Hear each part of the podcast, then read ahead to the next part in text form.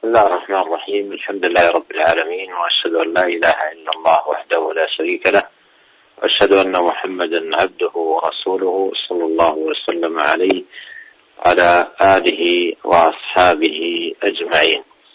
أولا السلام عليكم ورحمة الله وبركاته. أما بعد فبين أيدينا معاشر المستمعين الكرام رسالة قيمة ومؤلف نافع يحتاج إليه كل مسلم.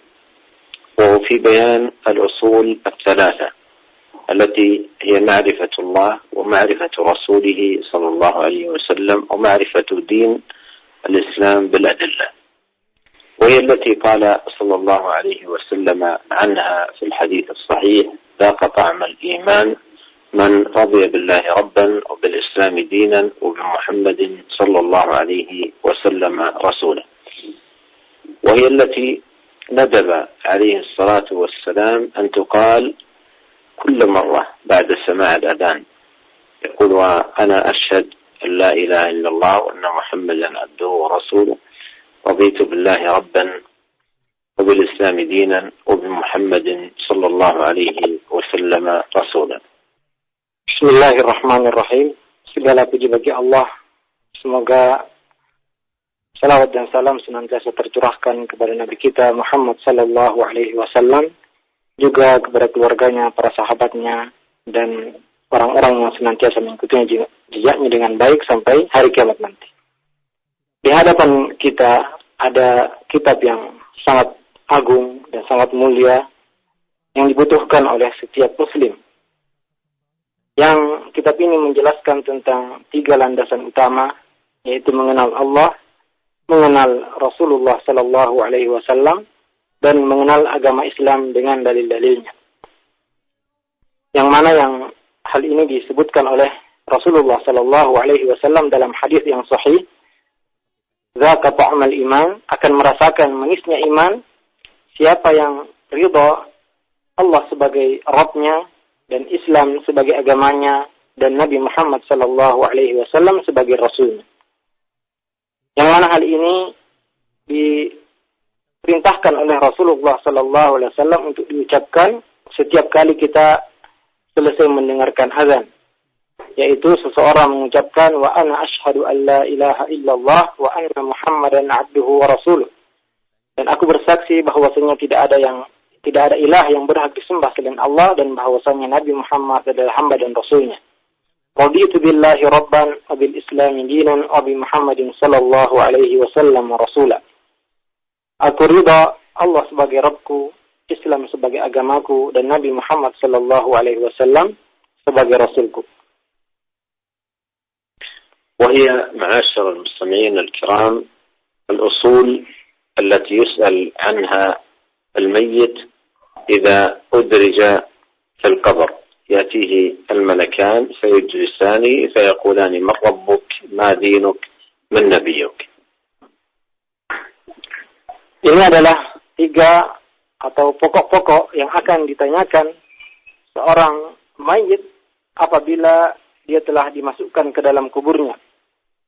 Akan datang dua malaikat yang mendudukkannya dan berkata kepadanya, siapa Tuhanmu, apa agamamu dan siapa nabimu. فهذه الرسالة معاشر المستمعين الكرام.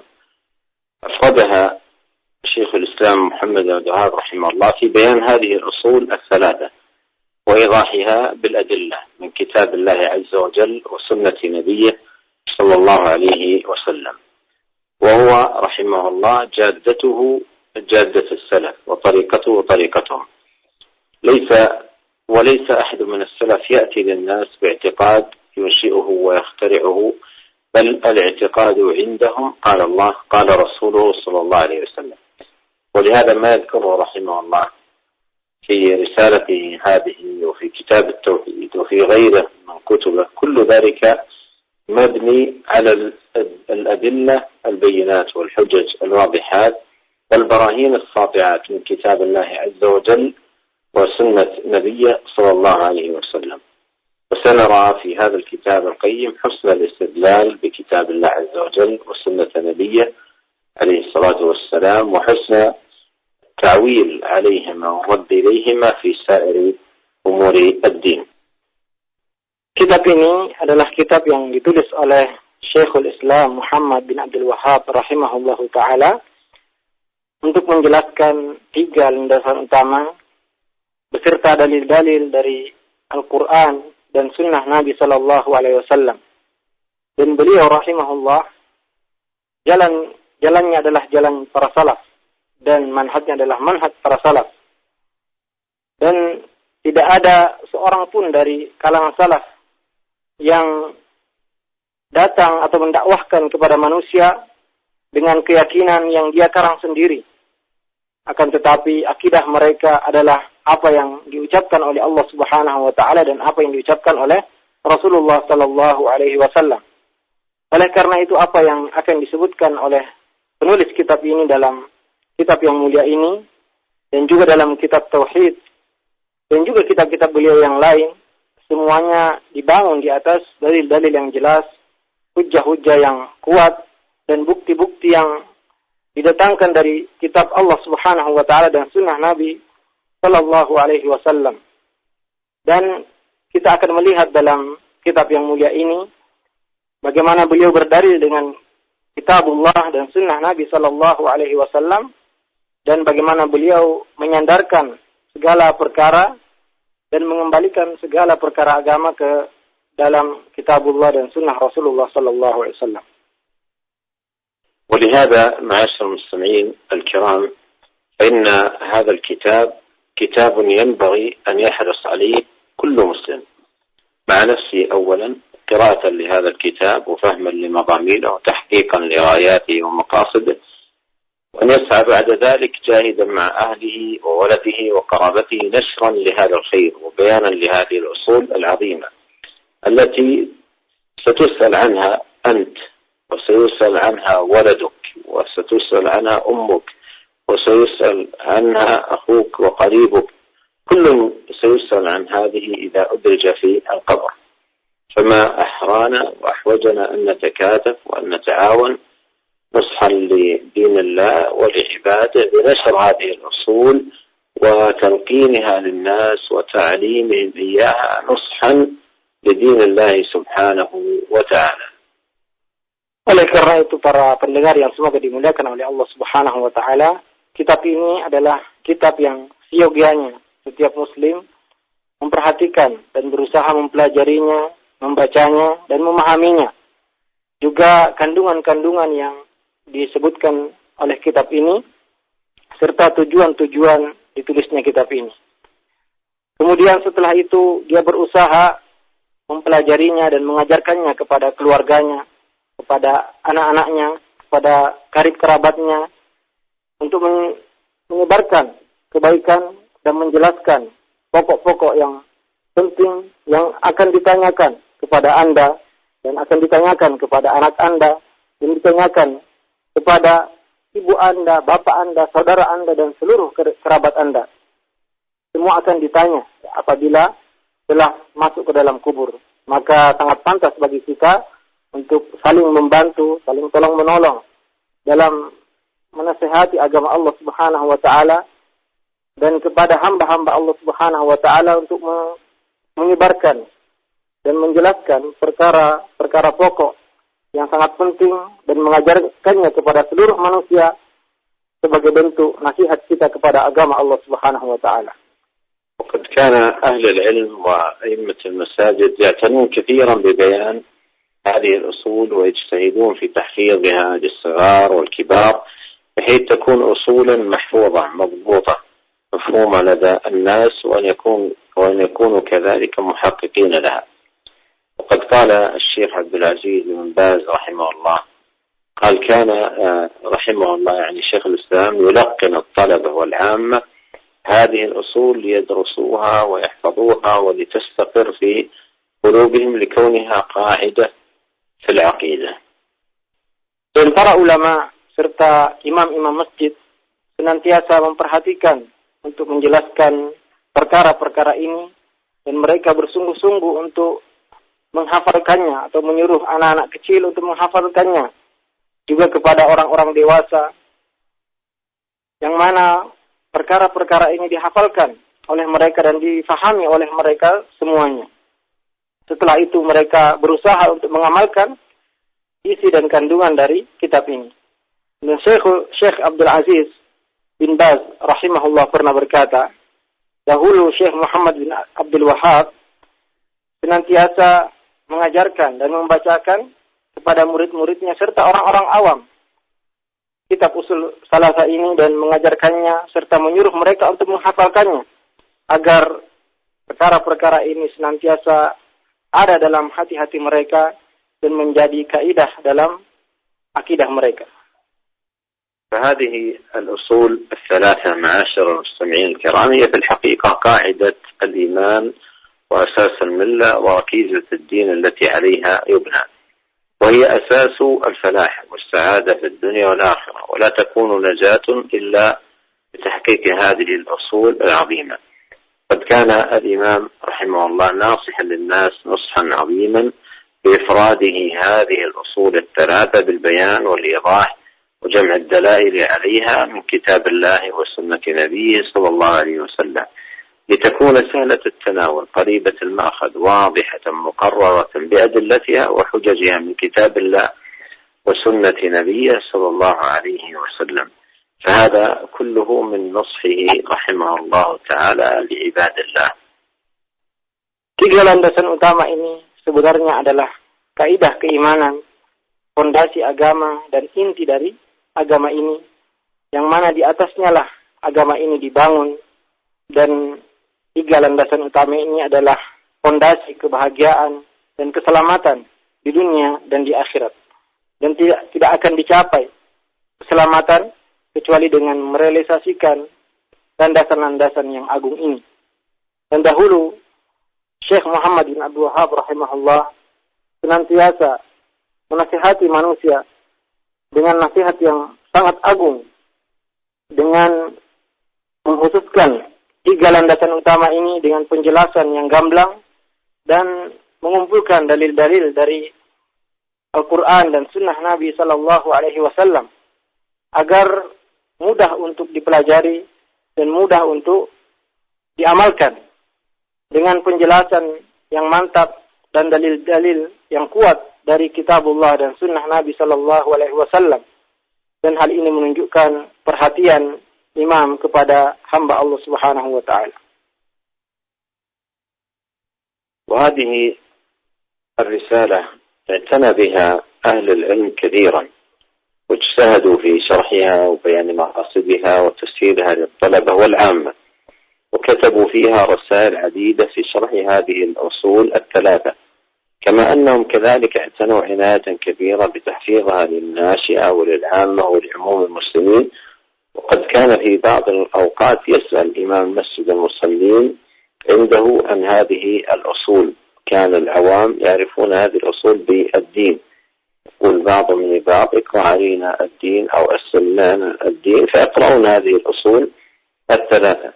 ولقد حفظها عدد كبير من هؤلاء في الصغر لقنت لهم وهم صغار وكانت معهم ثابتة في الكبر والهرم والشيخوخة.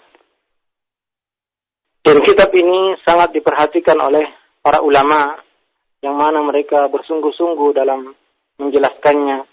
Dan menjelaskan tujuan-tujuan dari kitab ini. Juga mereka mempermudah bagi para penuntut ilmu dan kalangan awam serta mereka menulis kitab-kitab yang banyak untuk menjelaskan tiga landasan utama ini. Sebagaimana mereka juga sangat memperhatikan agar kitab ini dihafalkan oleh anak-anak dan kalangan awam dari kaum muslimin Bahkan di sebagian waktu kadang-kadang imam masjid bertanya kepada para jamaah tentang e, tiga landasan utama ini. Dan dahulu orang-orang awam mengetahui kitab ini dengan istilah ad-din, yaitu agama. Sebagian mereka berkata kepada sebagian yang lain, bacakan kepadaku ad-din, agama. Atau dengarkan kepadaku ad-din. Maka mereka pun membaca kitab usul salasa ini dan kitab ini telah dihafalkan oleh banyak dari kalangan awam sejak mereka kecil. Karena kitab ini telah dibacakan, didiktikan kepada mereka sejak mereka masih kecil dan kitab ini tetap ada dalam hafalan mereka sampai mereka besar bahkan ketika mereka menjadi tua dan sudah sangat tua. الحاصل انه ان انهم كان الناس يعتنون جدا بهذه الأصول ولهذا يؤسف جدا لحال كثير من العوام أنه يكبر ويكبر ويقارب ان يفارق هذه الحياة وهو لا يدري ما هي هذه الأصول ولم يعتني بها لأنه لم يجد في مجتمعه ومعلميه من يلقنه هذه الأصول الثلاثة. ولهذا تتأكد المسؤولية على طلاب العلم وحملة الدعوة وأنصار الدين أن ينصحوا لعباد الله لا سيما وبخاصة في هذه الأصول الثلاثة المباركة العظيمة التي جمعها هذا الإمام رحمه الله في هذه الرسالة القيمة Dan sejak dahulu banyak dari kalangan manusia mereka senantiasa memperhatikan pokok-pokok ini maka sangat disayangkan sekali saat ini banyak dari kalangan awam yang mereka sampai tua, bahkan sampai hampir meninggal, dan dia belum mengetahui usul dan pokok-pokok ini dan tidak perhatikan dan tidak pernah mempelajarinya. Karena dia tidak mendapatkan dalam lingkungannya orang yang mengajarkan kitab ini atau orang yang membacakan kitab ini, oleh karena itu sudah menjadi kewajiban dan tanggung jawab bagi para penuntut ilmu dan para dai serta penolong agama agar mereka menasihati hamba Allah Subhanahu wa taala dan terutama dalam hal memperhatikan dan mengajarkan kitab usul salasah ini kitab yang mulia, kitab yang agung yang dikumpulkan oleh Imam Muhammad bin Abdul Wahab rahimahullahu taala dalam kitab yang mulia ini. ولهذا أيها الإخوة الكرام نحمد الله سبحانه وتعالى أن يسر لنا هذا اللقاء من خلال هذا البرنامج في إذاعة رجاء لمدارسة هذه الأصول الثلاثة ومذاكرتها. وهذه من نعم الله سبحانه وتعالى العظيمة ومن توفيقه لنا أجمعين. فأنصح نفسي وإخواني بأن نتواصى ونتعاون على متابعة هذه الدروس في شرح الأصول الثلاثة راجين من الله سبحانه وتعالى أن ينفعنا بها وأن يرزقنا العلم النافع والعمل الصالح والتوفيق لما يحبه ويرضاه سبحانه وتعالى. Oleh karena itu kita memuji Allah Subhanahu wa taala yang telah memudahkan kita untuk pertemuan ini dan kajian ini dalam Radio Roja agar kita saling mempelajari kitab ini, kitab Usul Salasa dan saling mengingatkan satu sama lain dan hal ini merupakan nikmat Allah Subhanahu wa taala yang besar maka saya menganjurkan kepada saudaraku semua mari kita saling mengingatkan saling tolong menolong dan berusaha untuk mengikuti pelajaran ini dengan baik. Semoga Allah Subhanahu wa taala mengaruniakan kepada kita ilmu yang bermanfaat, amal soleh dan memberikan kita taufik kepada jalan yang lurus. ونشرع الآن مع عاشر المستمعين في قراءة كلام الشيخ رحمه الله في هذه الأصول الثلاثة مع التعليق عليه بما تيسر. قال رحمه الله بسم الله الرحمن الرحيم. اعلم رحمك الله أنه يجب علينا تعلم أربع مسائل. الأولى العلم. وهو معرفة الله ومعرفة نبيه ومعرفة دين الإسلام بالأدلة. الثانية العمل به الثالثة الدعوة إليه الرابعة الصبر على الأذى فيه. والدليل قوله تعالى والعصر إن الإنسان لفي خسر إلا الذين آمنوا وعملوا الصالحات وتواصوا بالحق وتواصوا بالصبر. قال الشافعي رحمه الله تعالى لو ما أنزل الله حجة على خلقه إلا هذه السورة لكفتهم. قال البخاري رحمه الله باب العلم قبل القول والعمل والدليل قوله تعالى فاعلم أنه لا إله إلا الله واستغفر لذنبك فبدأ بالعلم قبل القول والعمل. Kemudian marilah kita memulai pelajaran kita pada kitab Usul Salatah ini dengan menjelaskan sedikit memberikan sedikit penjelasan tentang kitab ini. Bismillahirrahmanirrahim. Dengan nama Allah yang Maha Pemurah lagi Maha Penyayang. Ketahuilah, i'lam rahimakallah, ketahuilah semoga Allah Subhanahu wa taala merahmatimu. Sesungguhnya wajib bagi kita semua untuk mempelajari empat perkara. Yang pertama yaitu al-ilmu. Al-ilmu yaitu mengenal Allah, mengenal Nabi Muhammad sallallahu alaihi wasallam dan mengenal agama Islam dengan dalil-dalilnya. Perkara yang kedua yaitu al-amalu bih, mengamalkan. Kemudian yang ketiga ad-da'wa ilai, mendakwahkan kepada hal ini dan yang keempat adalah bersabar atas segala gangguan yang kita dapatkan. Dalil dari perkara ini adalah firman Allah Subhanahu wa taala wal 'asri bin nasa innal insana lafi khusr. Sungguhnya manusia benar-benar berada dalam kerugian. Illa alladziina amanu wa 'amilus salihati wa tawasaw bil haqqi wa tawasaw bis sabr kecuali orang-orang yang beriman dan beramal saleh dan saling berwasiat dalam kebenaran dan saling berwasiat dalam kesabaran. Berkata Imam Syafi'i rahimahullahu taala, seandainya Allah Subhanahu wa taala tidak menurunkan hujjah kepada hambanya selain surat ini maka hal ini sudah cukup. Dan berkata Imam Al-Bukhari rahimahullah dalam kitabnya Bab Al-Ilmu Qabla Al-Qawli Wal-Amal. Bab ilmu sebelum berkata dan beramal. Dalilnya adalah firman Allah Subhanahu wa taala, "Fa'lam annahu la ilaha illallah wastaghfir li dzambik." Ketahuilah bahwasanya tidak ada ilah yang berhak disembah selain Allah dan minta ampunlah, minta ampunlah atas dosa-dosamu. Fabada bil ilmi qabla al-qawl wal amal. Maka dalam ayat ini Allah Subhanahu wa taala memulai dengan perintah berilmu sebelum berkata dan beramal. بدأ المصنف رحمه الله رسالته هذه بسم الله الرحمن الرحيم.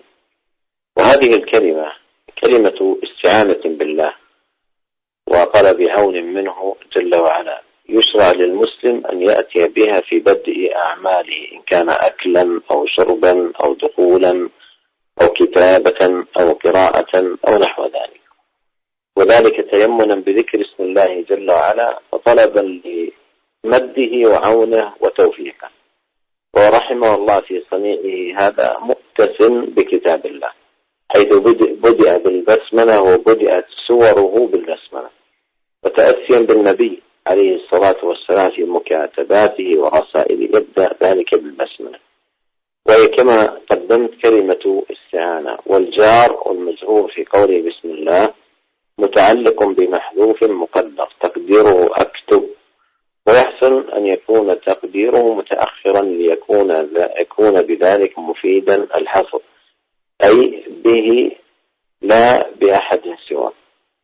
لأن تقديم المعمول العامل يفيد الحصر. وتقدير ذلك بسم الله أكتب أي باسمه وحده جل وعلا والفاء في والباء في بسم الله باء الاستعانة. أي أكتب مستمدا عوني فيما أكتبه من الله. وأنا في ذلك متيمن بذكر اسمه جل وعز Penulis kitab ini, semoga Allah merahmatinya, memulai kitabnya dengan ucapan Bismillahirrahmanirrahim.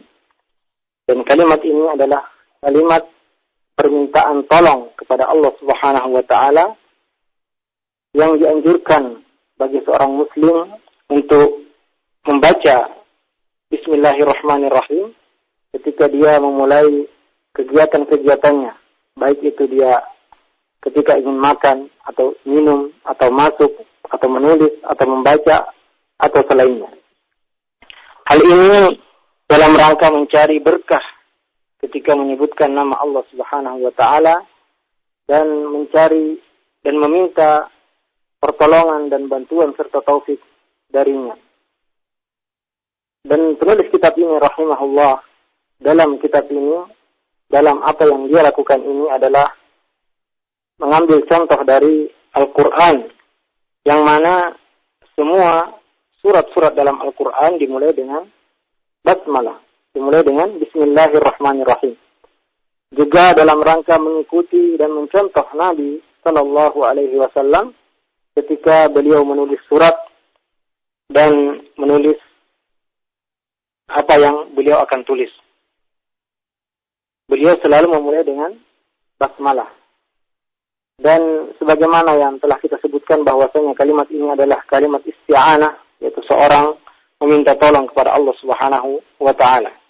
Adapun huruf jar dan isim majrur setelahnya yaitu kata bismillah berhubungan dengan fiil atau kata kerja yang terhapus yang tidak nampak yaitu kata aktubu, saya menulis. Dan kata ini ya, sebaiknya diakhirkan karena sesuatu objek apabila diakhirkan setelah subjek akan mengandung makna pembatasan yaitu saya tidak meminta tolong selain kepada Allah Subhanahu wa taala.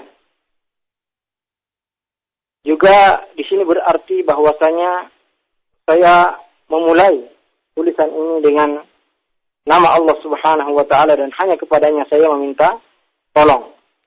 Juga huruf ba dalam kalimat bismillah ba di sini adalah ba isti'anah yaitu seorang meminta tolong kepada Allah Subhanahu wa taala yaitu dengan meminta pertolongan kepada Allah Subhanahu wa taala saya menulis ini dalam rangka meminta pertolongan Allah Subhanahu wa taala terhadap apa yang akan saya tulis dan saya juga mengharap berkah dari Allah Subhanahu wa taala ketika saya menyebutkan nama Allah Azza wa Jalla. والله هذا اسم لله عز وجل لا يطلق إلا عليه هو دال على ألوهيته وجلاله وكماله وعظمته وأنه تبارك وتعالى مستحق للعبادة دون السوى كما جاء عن ابن عباس رضي الله عنهما قال الله ذو الألوهية والعبودية على خلقه أجمعين. فأشار رضي الله عنه في بيانه لمعنى هذا الاسم إلى جانبين يدل عليهما. الأول الألوهية وهي كماله وجلاله وكبرياؤه وعظمته واتصافه بصفات الكمال ونعوت الجلال وأنه سبحانه له الأسماء الحسنى والصفات العليا. والجانب الآخر هي العبودية التي هي فعل العبد وهي مقتضيات إيمان العبد بألوهية الله بأن يذل ويخضع له وينكسر لجنابه سبحانه وأن يفرده وحده بالذل وأن يخصه وأن يخلص له الدين وأن لا يجعل معه شريكا في العبادة. Adapun nama Allah, para pendengar yang semoga dimuliakan oleh Allah Subhanahu wa taala, ini adalah nama yang tidak boleh diberikan kepada selain Allah Subhanahu wa taala.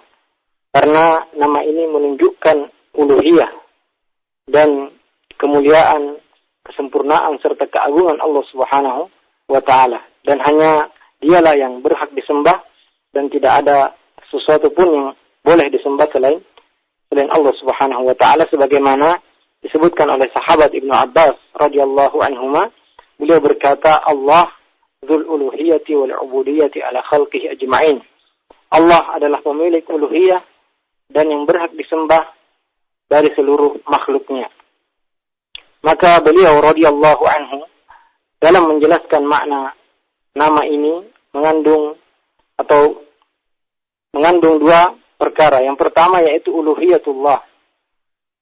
Yaitu kesempurnaan, ketinggian dan kebesaran serta keagungan Allah Subhanahu wa taala serta bahwasanya Allah Subhanahu wa taala mempunyai sifat-sifat yang sempurna, nama-nama yang sempurna serta sifat-sifat yang agung. Juga bagian yang kedua yaitu al-ubudiyah yang mana ini menunjukkan perbuatan seorang hamba yaitu konsekuensi dari keimanan seorang hamba yaitu hanya menyembah kepada Allah Subhanahu wa taala, tunduk hanya kepada Allah Subhanahu wa taala dan bersandar hanya kepada Allah Subhanahu wa taala, juga menyembah hanya kepada Allah Subhanahu wa taala, mengikhlaskan agama kepadanya dan tidak menjadikan bersamanya sesu, sesuatu apa pun dalam hal ibadah. والرحمن الرحيم. هذان اسمان دالان على ثبوت الرحمة صفة لله. وأن رحمته سبحانه واسعة وأنه كذلك وأنها كذلك واصلة لعبادة فالاسمان يدلان على ثبوت الرحمة صفة لله. الرحمن يدل على سعة الرحمة لأن هذا الوزن فعلان يدل على السعة ويدل على سعة رحمة الله. ورحمته وسعت كل شيء. ربنا وسعت كل شيء رحمة وعلما. فهو يدل على سعة الرحمة. والرحيم يدل على أن هذه رحمة واصلة للعباد وكان بالمؤمنين رحيما. ولم يأتي وكان بالمؤمنين رحمانا. لأن الرحيم اسم يدل على وصول هذه الرحمة بالعباد فذكر في هذه البسملة هذه الأسماء العظيمة الجليلة لله تبارك وتعالى. الله الرحمن الرحيم. Ar-Rahman Ar-Rahim dua nama ini adalah nama yang menunjukkan rahmat adalah sifat Allah Subhanahu wa taala. Dan rahmat Allah Subhanahu wa taala sangat luas dan juga rahmatnya senantiasa sampai kepada hamba-hambanya. Dan dua nama ini menunjukkan terhadap sifat rahmat adalah sifat bagi Allah Subhanahu wa taala. Adapun Ar-Rahman, nama Ar-Rahman menunjukkan luasnya rahmat Allah Subhanahu wa taala. Karena dalam wazan fa'lan menunjukkan bahwasanya rahmat ini sangat luas dan menunjukkan bahwasanya rahmat Allah Subhanahu wa taala sangat luas sebagaimana firman Allah Subhanahu wa taala wa rahmati wasi'at kulla dan rahmatku mencakup segala sesuatu. Juga firman Allah Subhanahu wa taala, "Rabbana wasi'ta kulla syai'in rahmatan wa ilma." Wahai Rabb kami, Engkau telah mencakup segala sesuatu dengan rahmatmu dan pengetahuanmu. Maka hal ini menunjukkan tentang luasnya rahmat Allah Subhanahu wa taala. Adapun nama Ar-Rahim, maka Nama ini menunjukkan bahwasanya rahmat Allah sampai kepada hamba-hambanya. Sebagaimana firman Allah Subhanahu wa taala, "Wa kana bil mu'minina rahima." Dan Allah Subhanahu wa taala Maha penyayang terhadap orang-orang yang beriman. Dan tidak pernah ya disebutkan dalam Al-Qur'an wa kana bil mu'minina rahmana. Ya. Jadi dalam ayat disebutkan kata atau sifat Ar-Rahim bukan sifat Rahman. Karena nama Ar-Rahim adalah nama yang menunjukkan sampainya rahmat ini kepada hamba-hamba Allah Subhanahu wa taala. Maka dalam bismillah dan kalimat basmalah ini ada tiga nama-nama Allah Subhanahu wa taala yang mulia yaitu nama Allah, nama Rahman dan nama Ar-Rahim. ثم قال اعلم رحمك الله وسيأتي أيضا بعد قليل قوله رحمه الله اعلم رحمك الله ثم سيأتي أيضا أرشدك الله لطاعته ثلاث مواضع ثم بعد ذلك تبدأ رسالة الأصول الثلاثة.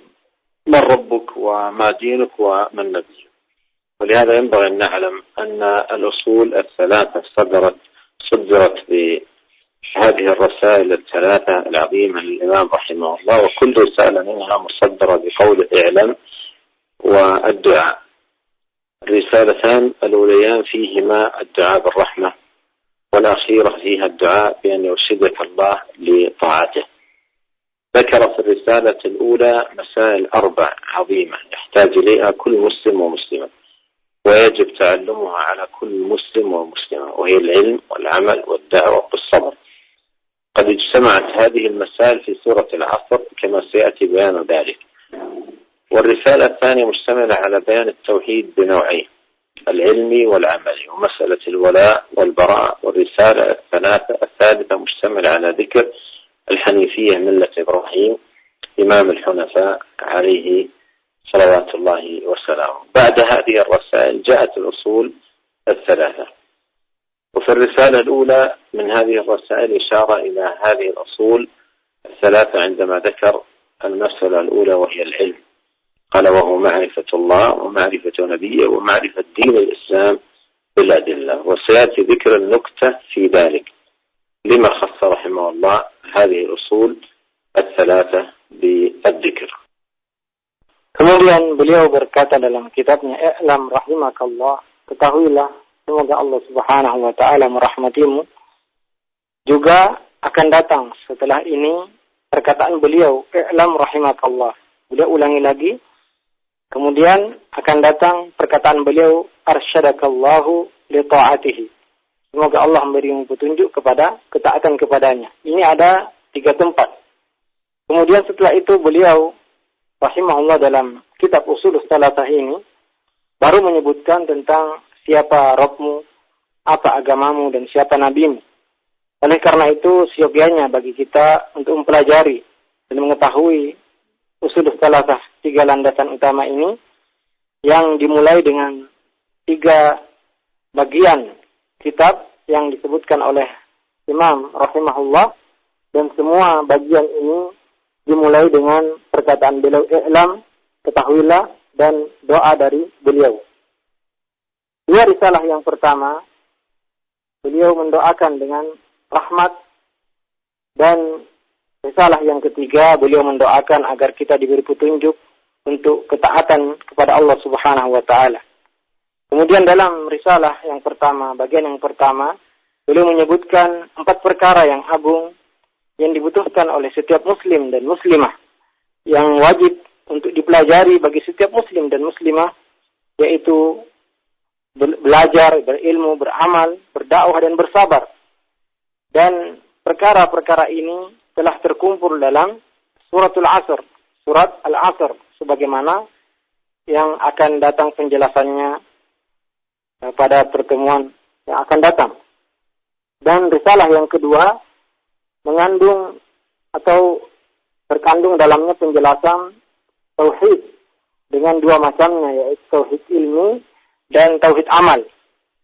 Juga perkara al-wala wal bara, perkara, perkara loyalitas dan permusuhan serta risalah yang ketiga akan disebutkan tentang perkara Hanifiyah yaitu agama Nabi Ibrahim yang mana beliau adalah imam para hunafa.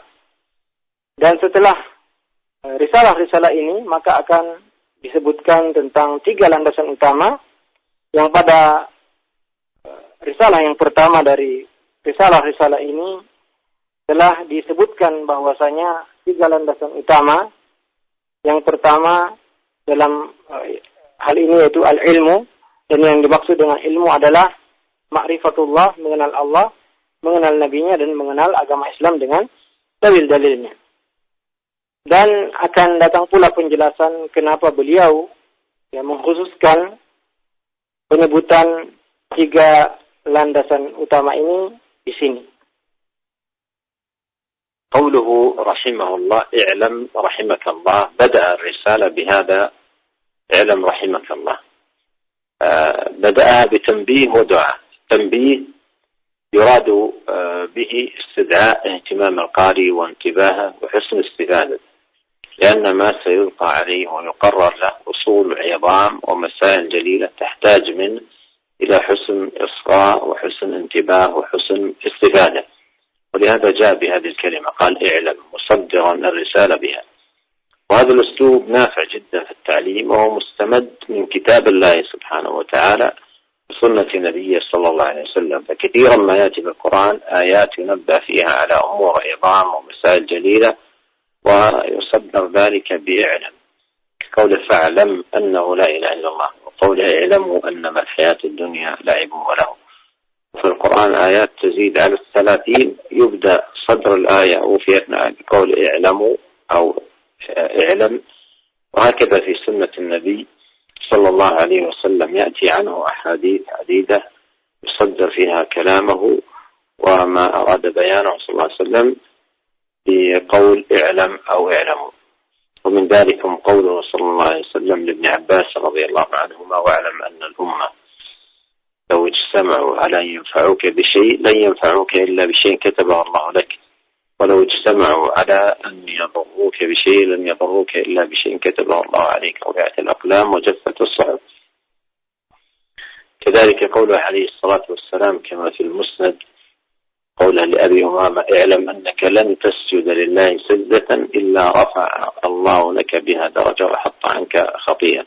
والأحاديث عنه في هذا كثيرة. وأيضا هو أسلوب دارج في تقرير أهل العلم. في تقريرات أهل العلم ومؤلفاتهم Para pendengar yang semoga dimuliakan oleh Allah Subhanahu wa taala, perkataan penulis I'lam rahimakallah beliau memulai risalah ini dengan ucapan beliau I'lam rahimakallah. Ketahuilah semoga Allah merahmatimu. Beliau memulai dengan peringatan dan doa. Peringatan agar sang pembaca memperhatikan dan mengambil faidah terhadap apa yang akan disampaikan dan akan diajarkan kepadanya dari perkara-perkara yang agung, perkara-perkara pokok, dan masalah-masalah yang mulia yang dibutuhkan seseorang untuk mendengarkannya dengan baik, memperhatikannya dengan baik, dan berusaha mengambil faidah dari apa yang akan beliau ucapkan. Maka beliau mengatakan, "I'lam, ketahuilah dan Ketahuilah para pendengar yang semoga dirahmati oleh Allah Subhanahu wa taala bahwa metode ya, seperti ini sangat bermanfaat ketika seorang mengajarkan ilmu yang mana hal ini diambil dari kitabullah dan sunnah Nabi Shallallahu alaihi wasallam. Kita dapati dalam Al-Qur'an banyak ayat-ayat yang menjelaskan tentang perkara-perkara yang besar yang Allah Subhanahu wa taala memulai dengan kata fa'lam ya seperti contohnya firman Allah Subhanahu wa taala, "Fa'lam annahu la ilaha illallah." Ketahuilah bahwasanya tidak ada ilah yang berhak disembah selain Allah. Juga firman Allah Subhanahu wa taala, "I'lamu annamal hayatid dunya la'ibun wa lahun."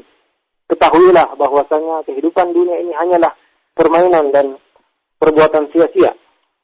Juga dalam Al-Qur'an ya, lebih dari 30 ayat yang dimulai dengan kata i'lam atau kata i'lamu. Ya, ketahuilah atau ketahuilah oleh kalian semua. Juga dalam sunnah Nabi Shallallahu Alaihi Wasallam banyak hadis-hadis yang dimulai dengan perkataan i'lam atau i'lamu. Ya, di antaranya adalah sabda Nabi Shallallahu Alaihi Wasallam kepada sahabat Ibnu Abbas, wa'lam annal ummata law ijtama'u. Ketahuilah bahwasanya seandainya seluruh umat ini berkumpul untuk memberimu manfaat sedikit pun mereka tidak akan mampu memberi manfaat sedikit pun kecuali apa yang telah ditulis oleh Allah Subhanahu wa taala. Dan seandainya mereka berkumpul untuk memberi mudarat sedikit pun mereka tidak akan mampu memberikan mudarat kepadamu sedikit pun kecuali apa yang telah ditulis oleh Allah Subhanahu wa taala pena-pena telah diangkat dan lembaran-lembaran telah telah kering. Juga sabda Nabi Shallallahu alaihi wasallam dalam kitab Musnad karya Imam Ahmad, ini berkata kepada sahabat Abu Umamah, i'lam annaka la tasjudu lillahi sajdah illa rafa Allah laka biha darajah wa hatta anka khati'ah. Ketahuilah bahwasanya engkau tidak bersujud kepada Allah Subhanahu wa taala dengan satu sujud kecuali Allah Subhanahu wa taala akan mengangkat derajatmu dan menghapuskan dosamu. Dan juga hadis-hadis dari Nabi Shallallahu Alaihi Wasallam sangat banyak yang menggunakan metode ini, yang mana metode ini telah dipakai oleh para ulama dalam kitab-kitab mereka. قال رحمه الله اعلم رحمك الله أنه يجب علينا تعلم أربع مسائل يجب علينا أي نحن معاشر المكلفين ذكورا وإناثا صغارا وكبارا يجب علينا وجوبا عينيا كما سيذكر رحمه الله هو من الواجب العيني على كل مكلف أن يلزم كل مكلف أن يتعلم ذكرا كان أو أنثى صغيرا كان أو كبيرا الكل يلزمهم تعلم هذه المسائل ويجب عليهم وجوبا عينيا تعلمها. وهنا ينبغي أن يعلم أن فرائض الدين وواجباته منها ما هو فرض فرض عين ومنها ما هو فرض كفاية. فرض العين هو الذي يجب على كل مكلف.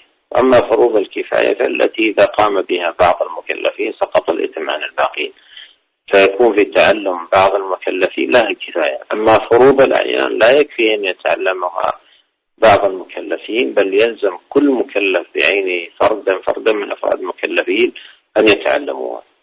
لأنه يجب علينا تعلم أربع مسائل وقول تعلم أربع أي فهمها ومعرفتها وضبطها ومعرفة صحيحة معرفة صحيحة مستمدة من كتاب الله وسنة نبيه صلى الله عليه وسلم. Beliau mengucapkan dalam kitab ini, "I'lam rahimakallah annahu yajibu alaina ta'allum arba'i masail."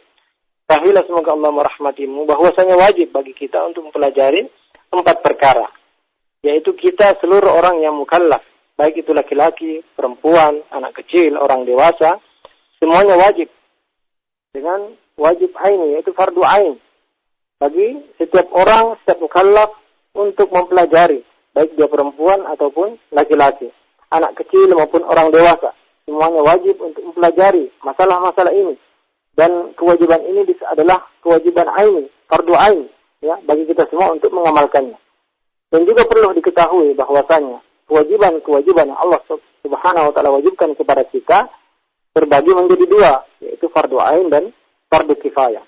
Adapun fardu ain yaitu kewajiban yang wajib bagi setiap orang.